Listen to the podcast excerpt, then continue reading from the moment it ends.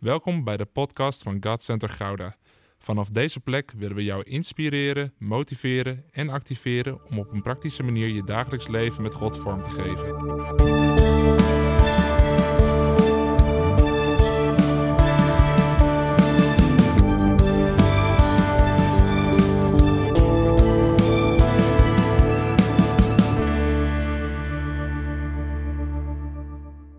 Bevinden ons inmiddels een eh, paar weken voor kerst en we, zijn er naartoe aan het leven. En ik weet niet of je het zelf ook hebt, maar ik merk zeker sinds vorige week, dan, eh, dan is Sinterklaas definitief het land uit. En dan, dan, dan gaan al die ogen gaan weer richting kerst en eh, de focus komt op kerst. En dat is zo mooi, want dan kunnen we weer in verwachting toeleven naar die dag om te vieren dat Jezus is geboren. En wij, waren, wij zijn niet de enigen die daar vol verwachting over zijn. Want toen Jezus werd geboren, toen waren de mensen ook vol verwachting. Hadden, er was een grote messiaanse, de Messias die zou komen, verwachting. En toch kwam die heel erg anders dan gedacht. Hij werd verwacht, maar hij kwam zo anders dan gedacht. En daardoor herkenden de mensen hem niet. Dus de grote koning, de verwachte koning, die kwam als een timmermanszoon. En dat was verwarrend voor de mensen. Ze snapten het niet. Is dit dan, Jezus, is dit dan de verwachte Messias? En dan zien we dat de grote Messias kwam als een kleine jongen. Een kleine jongen, zoals we net ook een kleine jongen hebben gezien, nog zo kwetsbaar en zo klein. En de mensen snapten het niet, want Jezus had, de Messias, die, die zou toch de heerser zijn, die zou toch bevrijding komen brengen. En dan zien we dat de grote vredevorst in zwakheid en kwetsbaarheid komt. En de grote redder komt in nederigheid. En hij kwam zo anders dan verwacht. En ik was bezig in mijn voorbereiding en toen kwam in één keer de zin erachteraan. En mensen zijn zo vaak anders dan gedacht. Hij kwam anders dan verwacht, maar mensen zijn zo vaak anders dan gedacht. En daar willen we het over gaan hebben vandaag, want bij mensen werkt het vaak zo andersom. Jezus kwam in kwetsbaarheid, maar hij kwam puur. En Jezus kwam anders dan verwacht, maar deed daardoor het reddingsplan boven verwachting. Want de discipelen die dachten, ja, u komt ons bevrijden van de Romeinen. En Jezus dacht, nee, ik kom je bevrijden van de duivel. Het was zoveel groter dan verwacht en gedacht, maar hij deed het ook heel anders, dus hij kwam ook heel anders. Maar mensen zijn vaak ook anders dan gedacht. Want hoe vaak is het niet dat we onwijs onder de indruk raken van iemands werken, maar dat als we iemands hart leren kennen, dat we daardoor teleurgesteld worden. Als we onder de indruk zijn van iemands inzet, dat dat ons raakt, totdat we de motivatie van die inzet zien. Mensen zijn vaak anders dan gedacht. Juist als het gaat zoals we verwachten. En bij Jezus precies andersom. Bij hem gaat het nooit zoals je verwacht, maar hij is altijd beter dan je dacht. Dit is Jezus. En vandaag gaan we het hebben over een cultuur van dienen. En dan gaan we het niet hebben over van wat je allemaal kan doen en hoe je het zou moeten doen en, en, en, hoeveel uur je wel niet zou moeten besteden aan dienen of iets. Nee, we gaan niet kijken naar wat we doen, maar hoe we het doen. We gaan niet kijken naar wat dienen is, maar hoe we dienen omdat ik geloof dat God daarin, echt ook daarin, een nieuwe cultuur wil bouwen. Omdat we een zuivere cultuur in de kerk nodig hebben over dienen. Want Jezus kwam als dienaar. Moet je nagaan. De schepper van hemel en aarde. Degene die alles in zijn hand houdt. Die komt als kleine jongen, geboren tussen de dieren, komt hij naar de aarde. En de koning der koningen, die troont in de hemel, die legt zijn heerlijkheid af en die komt als een slaaf. Dit is hoe Jezus kwam. En dan zegt hij, ik kom niet om gediend te worden, ik kom om te dienen. En dat is het hart van een leider. Dat is het hart van een discipel van Jezus. Ik kom niet om gediend te worden, nee, ik kom om te dienen. Ik kom niet om zelf iets te, toe te eigenen of zelf iets te pakken. Nee, ik kom om te geven, ik kom om te dienen. En dan kijk ik niet naar wat het mij oplevert. Nee, ik kijk alleen maar naar wat het die anderen brengt. Want dat is mijn hart. Weet je, dat, dat is hoe Jezus kwam naar de aarde. Hij keek niet van, oké, als ik dit doe, dan word ik zo beloond. Nee, als ik dit doe, dan geef ik. Als ik aan het kruis ga, dan is dat niet van, oké, dat werkt voor mij sowieso. Nee, als ik aan het kruis ga, dan geef ik eeuwig leven aan jou. Dat is wat Jezus dacht. Dat is hoe hij de weg naar het kruis ging. Dat is het hart van een dienaar. Dit is ook iets waar het zo vaak fout gaat. Dat we misschien onder de indruk zijn van wat iemand kan, iemand gaaf, iemand zijn talenten. En dat we dan iemand ook maar snel in een leiderschapspositie duwen. Of, of misschien niet in een leiderschapspositie, maar als jij invloed hebt, betekent dat leiderschap. Dus iedereen is een leider. De een heeft een grotere invloedssfeer als de ander, maar iedereen is daarin een leider. Jij hebt een plek van invloed. En dat kan zijn op school, dat kan zijn op werk, dat kan zijn in de kerk, dat kan zijn in je gezin, in je familie, in je straat, op de sportclub, op de dansclub. Dat kan overal zijn, maar jij hebt invloed. En ook al denk jij zelf nog dat je geen invloed hebt, heb je het wel, maar moet je het nog ontdekken. Jij hebt invloed. Maar ik ben erachter gekomen dat als we verlangen naar leiderschap, en als we willen groeien in leiderschap, dat we dat moeten doen zoals Jezus een leider was. En dat als wij niet enthousiast zijn om te dienen, zijn we nog niet geschikt als leider. Als we niet enthousiast zijn om te dienen, zijn we nog niet geschikt als leider. En waarom zeg ik enthousiast? Omdat het enthousiasme er vanaf moet spatten. Als je niet enthousiast bent om te dienen. Kijk, weet je, iedereen kan dienen. Maar is het hart erin, dat maakt het je enthousiast. Of is het balen en is het afwachten en is het de weg naar waar je eigenlijk naartoe wilt? Want dat is het zo vaak. Zo vaak, ja oké, maar als ik dit doe en dit doe, dan werk ik me omhoog. Dat is niet dienen, dat is verdienen. Dat is iets anders. Het lijkt op elkaar, maar het is iets heel anders. Want bij Jezus werkt het niet zo dat we dingen moeten verdienen. Nee, Jezus zegt, ga dienen. Zoals ik diende. Want Jezus zegt, ik ben het voorbeeld. Niemand heeft het zo voorgeleefd als ik. Maar als we niet enthousiast zijn erover, over dienen, dan is dat een teken dat ons hart nog niet klaar is voor leiderschap, voor promotie, om te leiden. En sterker nog, als ons hart niet klaar is en niet enthousiast is om te dienen, dan zal lijden lijden worden. dan mag je zelf invullen welke lange ei en korte ei dat wordt. Matthäus 10, daar zien we de woorden van Jezus. Ik wil je, als je voor het eerst bent, niet schrikken. We verlaten niet allemaal opeens het gebouw. Maar als we onze kerntekst lezen uit het woord van God, dan staan we op uit ontzag voor het woord van God. Dus um, laten we opstaan voor het woord van God. We gaan lezen Marcus 10, vers 35 tot en met 45. En daarin zien we zo prachtig hoe Jezus hart daarin is.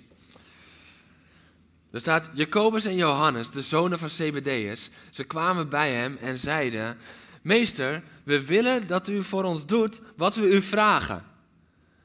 Dit is een magistrale zin. We willen dat u doet voor ons wat we vragen. Nou, dan is het al geen vraag meer, dan is het een opdracht. Dus daar zit natuurlijk al iets in. Maar hoe durven de leerlingen tegen de meester te zeggen: U gaat nu doen wat wij vragen? Ik vind het gewaagd. En dan denken we van: Oké, als leider moet je hier instappen. Als leider moet je hier even een statement maken van... hey, denk je wel, tegen wie heb je het? Jezus had het recht om dat te zeggen. Oké jongens, uh, doe je schoenen weer aan, je loopt er een beetje naast. We gaan even praten met elkaar. Dat had Jezus kunnen zeggen, maar dat doet hij niet. Jezus vroeg hen, wat willen jullie dat ik voor je doe? Ik vind Jezus zo mooi en zo lief op sommige momenten. Dat, soms is hij rauw en scherp, maar wat, wat is hij mooi en lief. En ze zeiden, wanneer u heerst in uw glorie, laat een van ons dan rechts van u zitten en de ander links. Maar Jezus zei tegen hen, jullie weten niet wat je vraagt. Kunnen jullie de beker drinken die ik moet drinken? Of de doop ondergaan die ik moet ondergaan? Ja, dat kunnen wij, antwoordden ze. Ah, ik denk dat ze nog niet helemaal begrepen wat er zou gaan gebeuren. Toen, Jezus tegen eh, toen zei Jezus tegen hen, Jullie zullen de beker drinken eh, die ik zal drinken en de doop ondergaan die ik zal ondergaan. Maar wie rechts of links van mij zal zitten, kan ik niet bepalen. Die plaatsen behoren toe aan wie, uh, voor wie ze zijn bestemd. Toen de andere leerlingen hiervan hoorden, werden ze woedend op Jacobus en Johannes. Jezus riep ze bij zich en zei tegen hen: Jullie weten dat de volken onderdrukt worden door hun eigen heersers en dat hun leiders hun macht misbruiken. Zo mag het niet met jullie gaan. Wie van jullie de belangrijkste wil zijn, moet de ander dienen. Wie van jullie de eerste wil zijn, zal ieders dienaar moeten zijn. Want ook de mensenzoon is niet gekomen om gediend te worden, maar om te dienen en om zijn leven te geven als losgeld voor velen. Wauw, je mag lekker gaan zitten.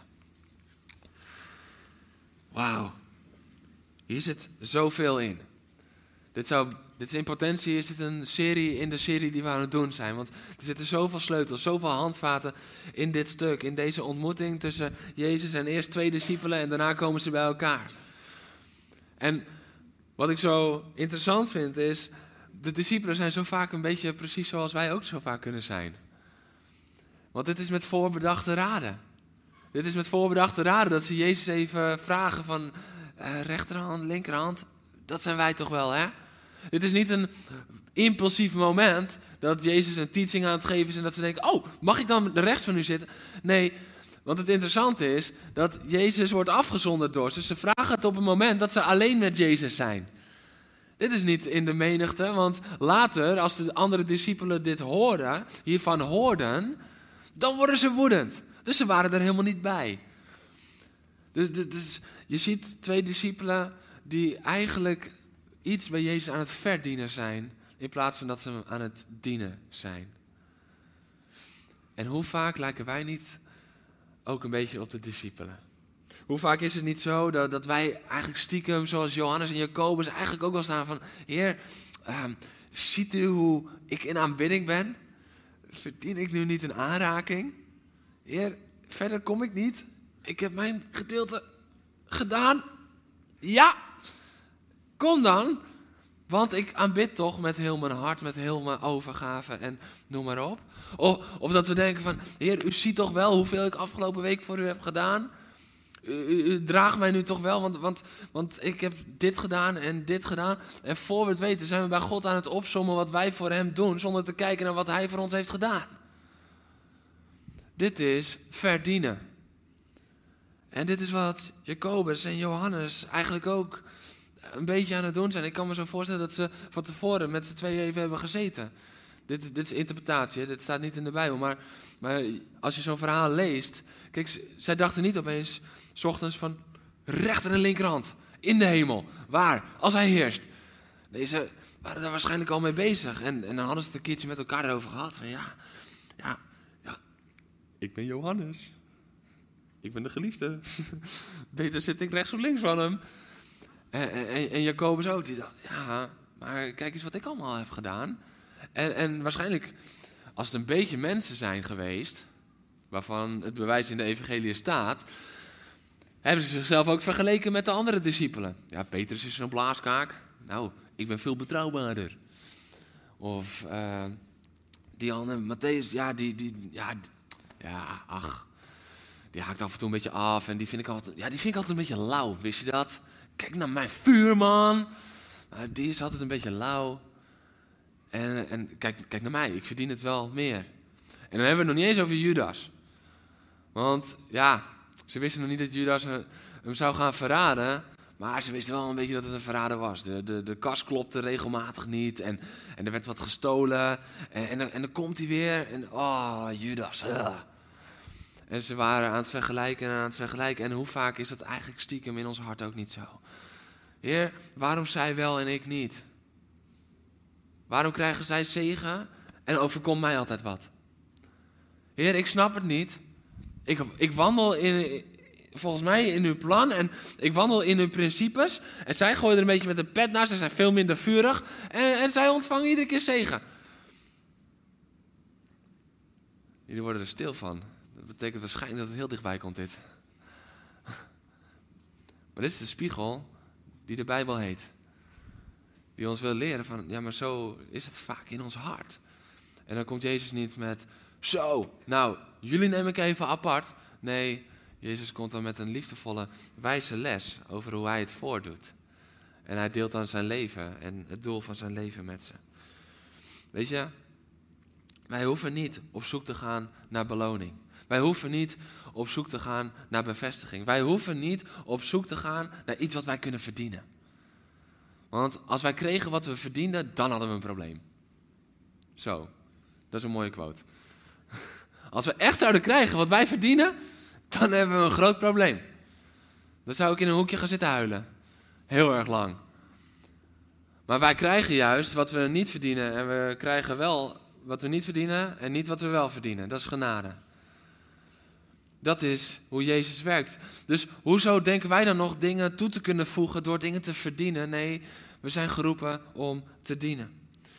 De positie die jij krijgt in de hemel, op aarde, welk moment, welke situatie ook. Dat is geen gevolg van wat je verdient, maar van het hart waarmee je dient.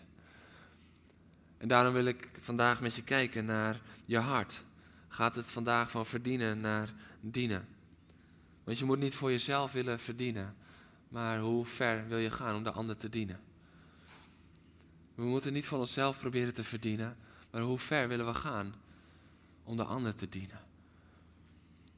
Want Jezus ging ver. Jezus ging zo ver dat hij niet alleen aan het kruis ging voor degene die hem zouden aannemen als redder. Hij ging ook aan het kruis voor degene die dat niet zouden doen. Dat is dienen. Dat is dienen tot de max. Dat is jezelf helemaal geven. En de discipelen, Jacobus en Johannes in dit geval, in dit stuk en in heel veel andere stukken hebben ze hem waarschijnlijk wel echt gediend. Maar in dit stuk waren ze hem niet aan het dienen. Maar waren ze aan het kijken, wat is er voor mij in? Wat zit hier voor mij in? Wat, wat, ik verdien dit. Ik verdien de rechterhand van Jezus wel te zijn. Ik verdien de linkerhand van Jezus wel te zijn. Wat is er in voor mij? Maar een dienaarshart kijkt nooit naar wat je er zelf uit kan halen. Maar kijkt altijd naar wat je de anderen ermee kan geven. Dat is een dienaarshart. Dat is het hart van Jezus. En daarin is dus het verschil tussen eh, iets proberen te verdienen of dienen. Is niet een verschil in handelen, maar een verschil in het hart. Want het handelen kan er precies hetzelfde uitzien. Ik ken gasten die hebben aanbidding geleid. En wanneer ze het podium afkomen, dan is het eerste wat ze denken van... Oh, ik zie dat diegene geraakt is, laat ik even naar hem toe gaan of naar haar toe gaan. Misschien kan ik nog iets voor diegene doen. En ik ken gasten die aanbidding hebben geleid en die stappen en die, die, die gaan zo snel mogelijk weg. Zo, dat zit er weer op. Een paar eurotjes in de zak en weer door. De handeling was hetzelfde, maar het hart erachter was compleet anders. En het interessante is, het hart ga je altijd proeven. Soms als je gebeld wordt, dan begint dat met een beetje koetjes en kalfjes. Herken je dat? Sommige mensen kunnen daar eindeloos in blijven hangen in de koetjes en kalfjes. Die lachen nu hardop. maar, maar je voelt altijd binnen de eerste twee minuten al: belt iemand voor mij of belt iemand voor wat diegene van mij nodig heeft? En dat gesprek aan de voorkant kan precies hetzelfde zijn. Maar je voelt al heel snel dat iemand van, hé eh, ja, leuk om je te zien, uh, spreken en uh, fijn, hoe, hoe, is het met je? En, en je voelt al heel snel, hier zit nog een andere agenda achter. Je voelt al heel snel, is dit om gewoon gezellig bij te kletsen, wat fijn om je... Of, ja, nu ik je toch spreek, um, was eigenlijk de aanleiding dat ik belde. Ja, ik belde even omdat, maar je voelt het. Waarom? Omdat het hart is voelbaar en het handelen is misschien precies hetzelfde. Maar dat hart is voelbaar. Ik weet altijd binnen twee minuten. Ik kreeg na de eerste dienst kreeg ik mensen. Die zeiden, ja, nou durf ik niet meer te bellen. maar dat, dat is geen probleem als je iets van me nodig hebt. Maar laten we niet de illusie wekken van, oh, ik bel even voor de gezelligheid en gezelligheid gezelligheid. Oh ja, kan je dit voor me doen? Nee, zeg dan gewoon, dat gaf ik als, als tip. Ik zeg, joh, zeg gewoon van, joh Jeroen, ik heb je even nodig, maar hoe is het eigenlijk met je? Nou, dan weet je in ieder geval wat er komt. Maar het hart erachter. Je voelt van, is het gericht op de ander of is het gericht uiteindelijk ten diepste om wat ik zelf nodig heb? Je voelt het al, wat is de reden dat iemand belt? En zo wil Jezus ook dat wij dienen. Niet met onze eigen agenda. Niet zo van, oké, heer, als ik dit en dit en dit en dit doe, de koetjes en kalfjes in het gesprek. Oké, dan komen we to the point. Krijg ik dan mijn beloning? Maar dat is helemaal niet het hart van Jezus. Jezus verlangt ernaar dat wij dienen zonder te verdienen. Dat we dienen met een hart dat gericht is alleen op Hem. En Jezus zoekt daarin discipelen met een zuiver hart, niet met een indrukwekkend handelen. Soms kunnen we zo, zo ja, helemaal wow, mindblowing zijn over wat mensen kunnen. Zo, ja, diegene, als, als die, ja, maar uiteindelijk gaat het om het hart. En vanuit een zuiver hart komt pas echt indrukwekkend handelen. Als het hart zuiver is, is het handelen indrukwekkend. En je hart bepaalt uiteindelijk ook daarin je houding. En dat is zo belangrijk om te beseffen. En ik wil nog wat dieper kijken naar die houding en dat hart. En daarin werd ik geleid naar Filippenzen 2, vers 5 tot en met 9 wil ik met je lezen. Er staat, laat onder u de gezindheid heersen die Christus Jezus had. De gezindheid. Dat betekent de hartshouding, het hart, het denken van Jezus. Hij die de gestalte van God had, hield niet zijn uh, gelijkheid aan God vast, maar hij deed er afstand van. Hij nam de gestalte aan van een slaaf en werd gelijk aan een mens.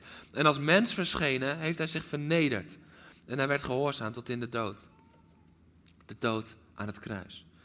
Daarom heeft God hem hoog verheven en hem de naam geschonken die elke naam te boven gaat. Dit is de gezindheid van Jezus.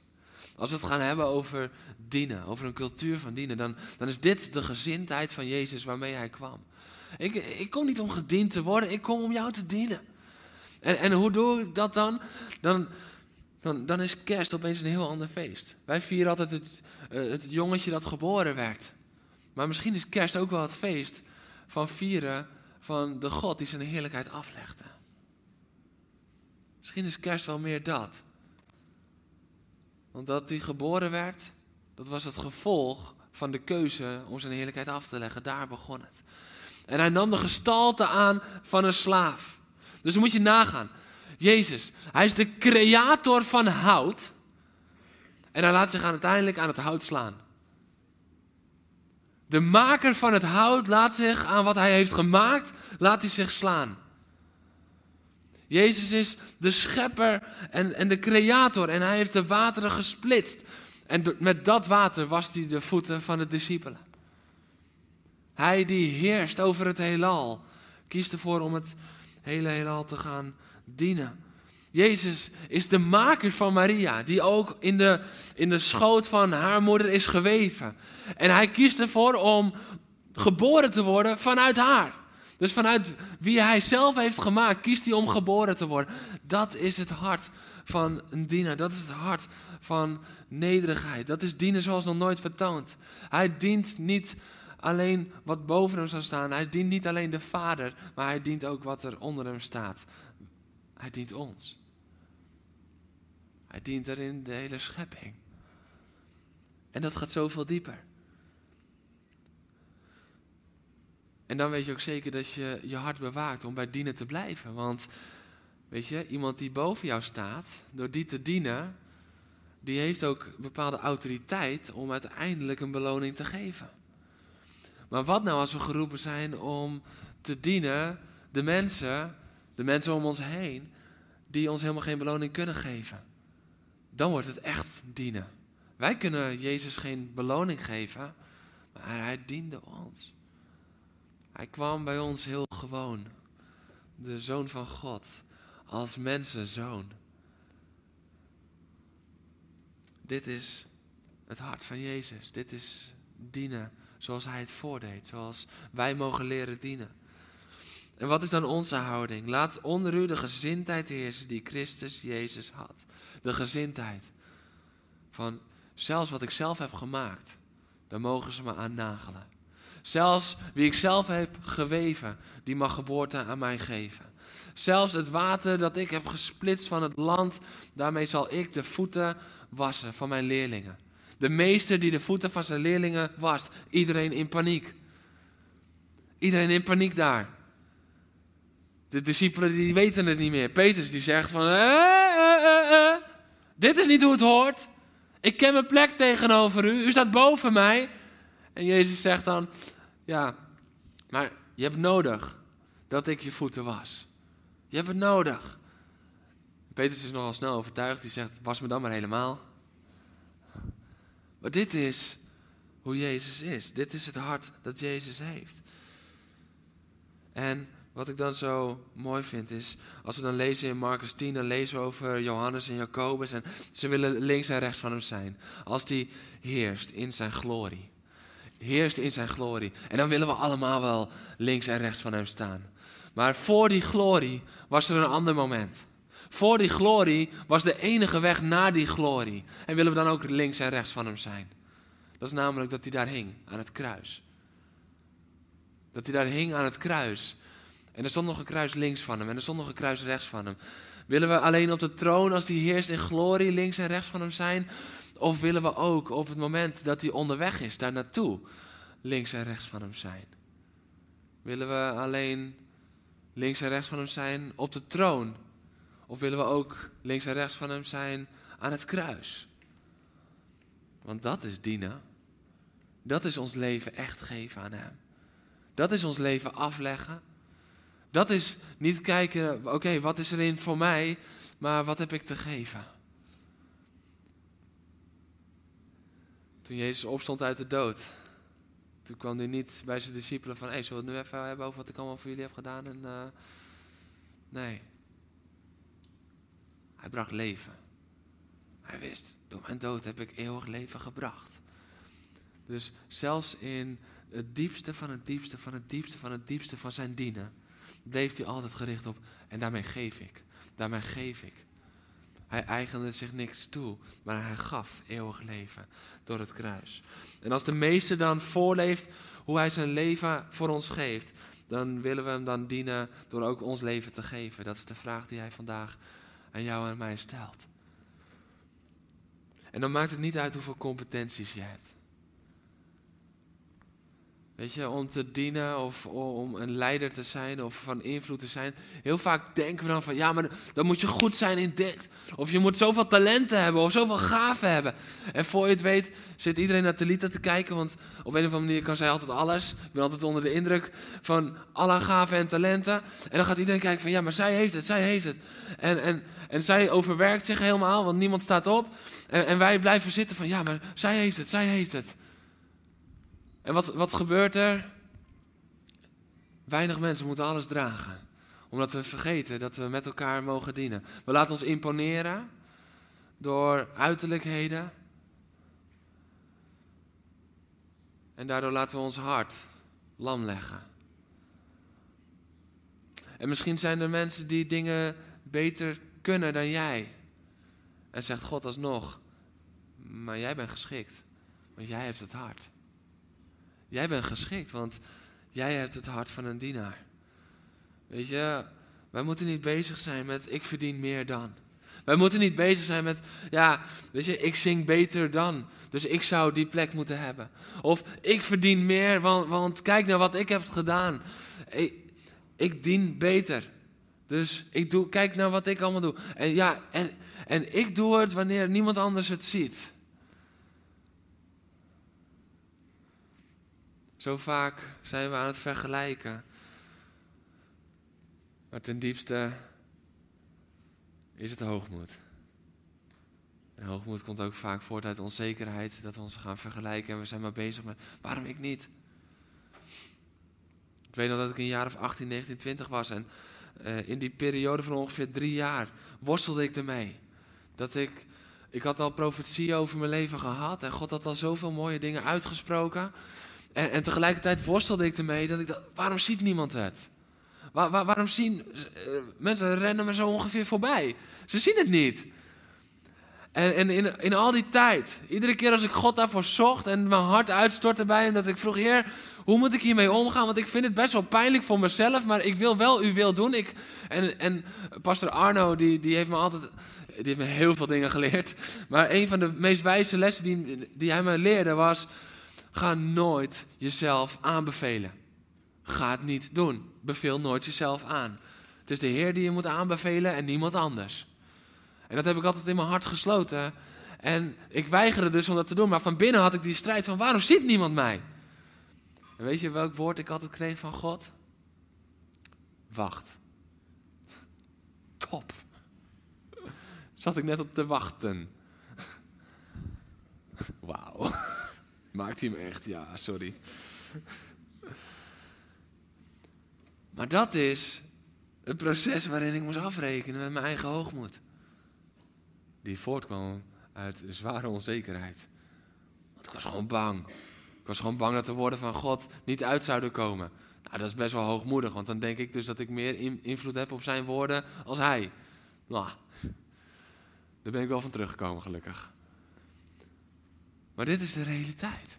Dat we zo vaak daarmee bezig zijn. En, en God zegt: hé, hey, maar het gaat niet om wat je kan. Het gaat me om je hart. Kijk niet naar competenties, maar kijk naar het hart.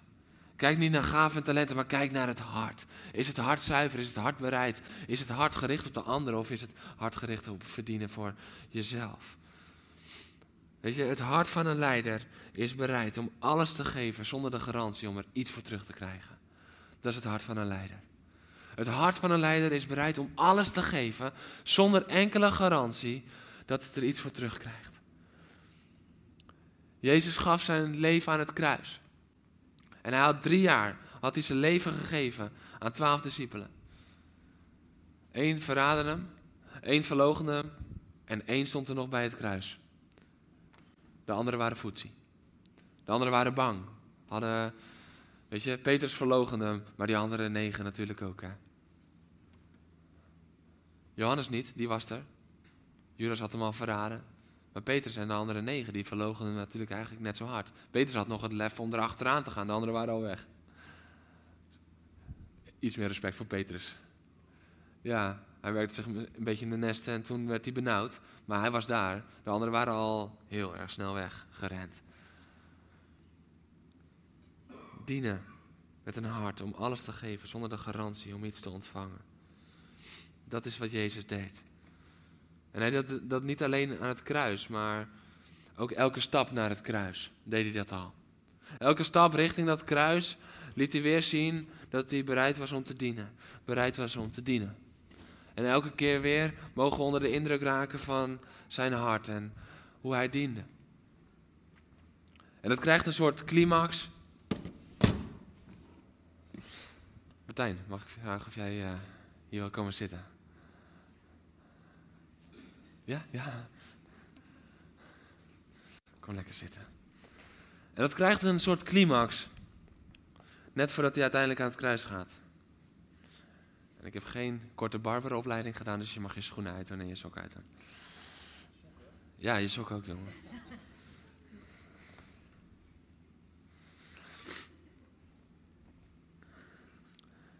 En dit is dan het hart van Jezus. de meester. Even een kleine cultuuruitleg. De laagste van de slaven, die deed altijd het voeten wassen. En jouw voeten zien er schoon uit. Nou, dat valt niet tegen. dat is fijn, ik heb de goede gekozen. maar dat was in die tijd natuurlijk wel anders. Want jij hebt dichte schoenen. En jij hebt sokken aan. De mensen daar die wandelden met open sandalen. Dus het was altijd stoffig, dat was altijd vies. Het was, het voeten, je voeten waren de, het vieste gedeelte van je lichaam. En dan was er altijd, als je aan tafel ging met elkaar, was er dat ritueel dat je altijd de voeten gewassen werd. Maar dat werd altijd gedaan door de laagste van de laagste van de laagste slaaf. En het is zelfs aannemelijk dat de discipelen dit hadden moeten regelen, maar dat waren vergeten. Dus dan zou je bijna gaan denken van, nou, dan moet de minste van die discipelen moet het gaan doen. Maar Jezus zegt dan van, nee, maar zo werkt het niet in mijn koninkrijk. Want degene die wil leiden, die moet bereid zijn om te dienen. En ik ga je die les niet alleen leren, ik ga die les leven, zegt Jezus dan. En dan zegt hij, ik was jullie de voeten. En wat mij dan zo raakt, is dat Jezus was de voeten van de voeten die een paar uur later zullen wegrennen. Als het te heet onder de voeten wordt. Jezus was de voeten van de discipelen die keihard deze voeten zullen gebruiken om weg te rennen, Omdat ze bang zijn voor de gevolgen als ze niet meer snappen hoe Jezus het doet. En ik kan me zo voorstellen hoe Jezus dat aan het doen was. En dat hij niet even vlucht deed, niet even vlucht, maar dat hij de tijd nam. En Petrus die stribbelde eerst tegen, maar uiteindelijk is hij dankbaar. En laat hij Jezus zijn voeten wassen. En Jezus neemt daar de tijd voor, want hij weet. Als je de grootste wil zijn, moet je de minste zijn. Moet je de minste zijn en moet je bereid zijn om dat te doen wat de laagste slaaf moest doen. En als hij dan de voeten heeft gewassen en hij droogt ze, dan gaan ze met elkaar aan de maaltijd. En zullen ze een maaltijd hebben met elkaar. En zullen ze een maaltijd vieren met elkaar.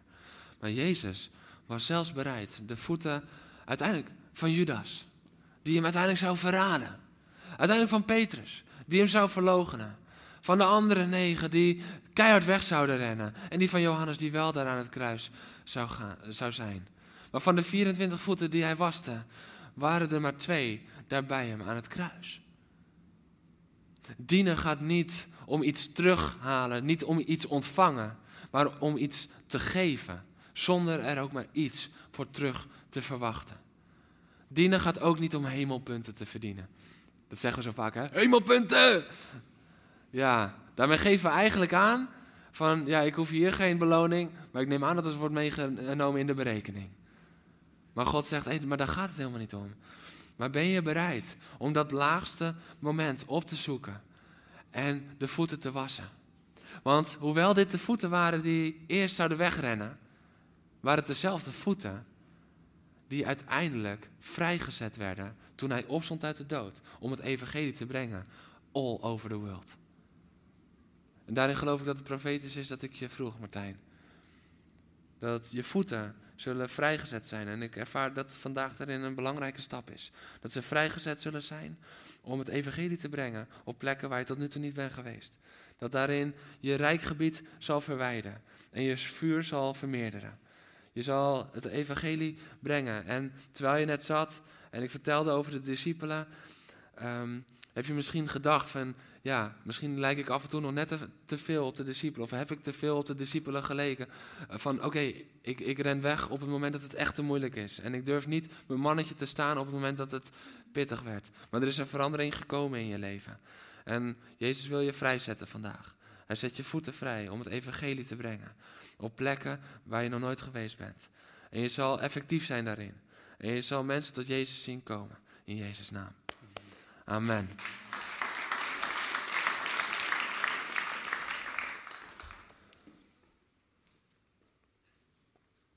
Jezus waste die voeten. Wetend dat als hij zou zeggen: Hé, hey, en als ik er straks niet meer ben, was elkaar de voeten, dat ze het niet hadden gedaan. Dat ze hadden gevochten met elkaar om wie de minste was.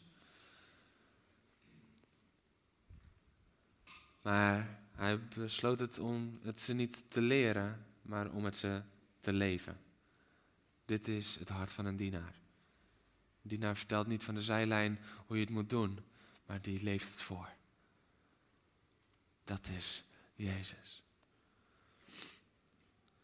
En Jezus nam daarin de laagste plaats van de kamer aan, terwijl hij eigenlijk op de hoogste troon zou mogen zitten.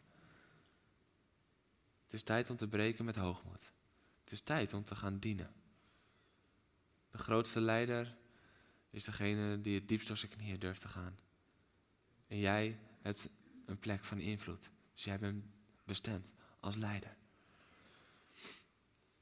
En wat ik ervaar is dat er mensen hier zijn en je hebt in.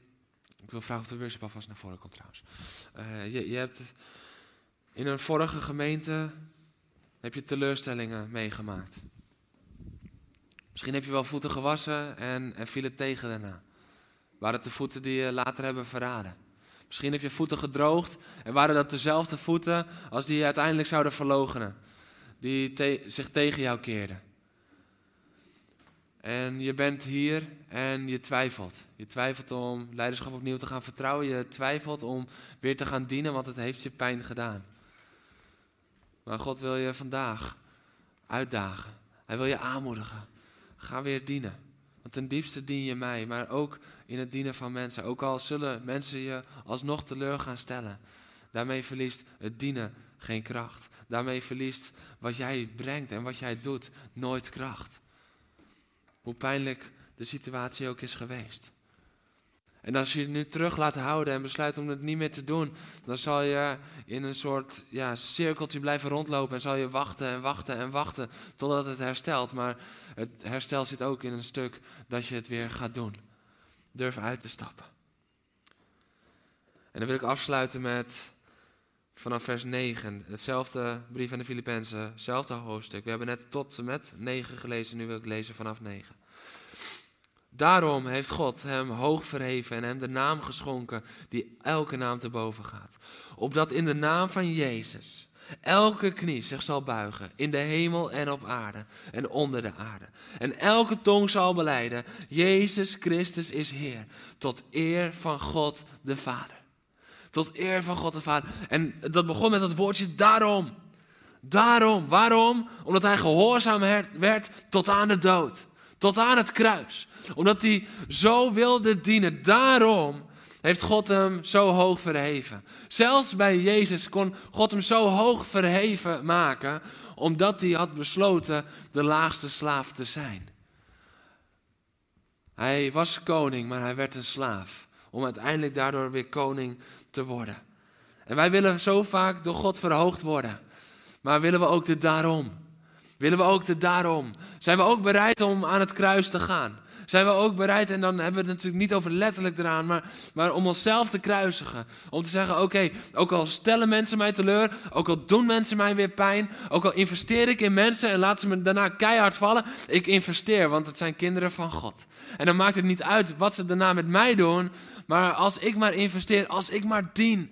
En ook al geven ze daarna wat ik niet verdien, ik wil gewoon dienen met een zuiver hart. Ik wil dienen met een zuiver hart.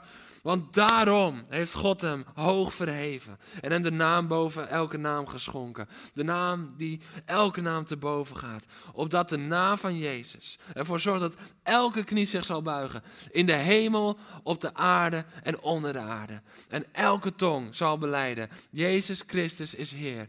Tot eer van God, de Vader. Als wij verlangen dat elke tong gaat beleiden, dan moeten we enthousiast worden over dienen. Want aan dienen wordt uiteindelijk zoveel kracht ontleend dat de naam van Jezus bezongen gaat worden. Wanneer wij als kerk gaan dienen, onze naasten gaan dienen, onze God gaat dienen. Weet je, Jezus was er niet alleen om zijn vader te dienen, hij was er ook om de mens te dienen. En wij willen altijd wel God dienen, maar willen we ook mensen dienen. Als we dat gaan doen, dan zal elke tong beleiden dat Jezus Heer is. Halleluja.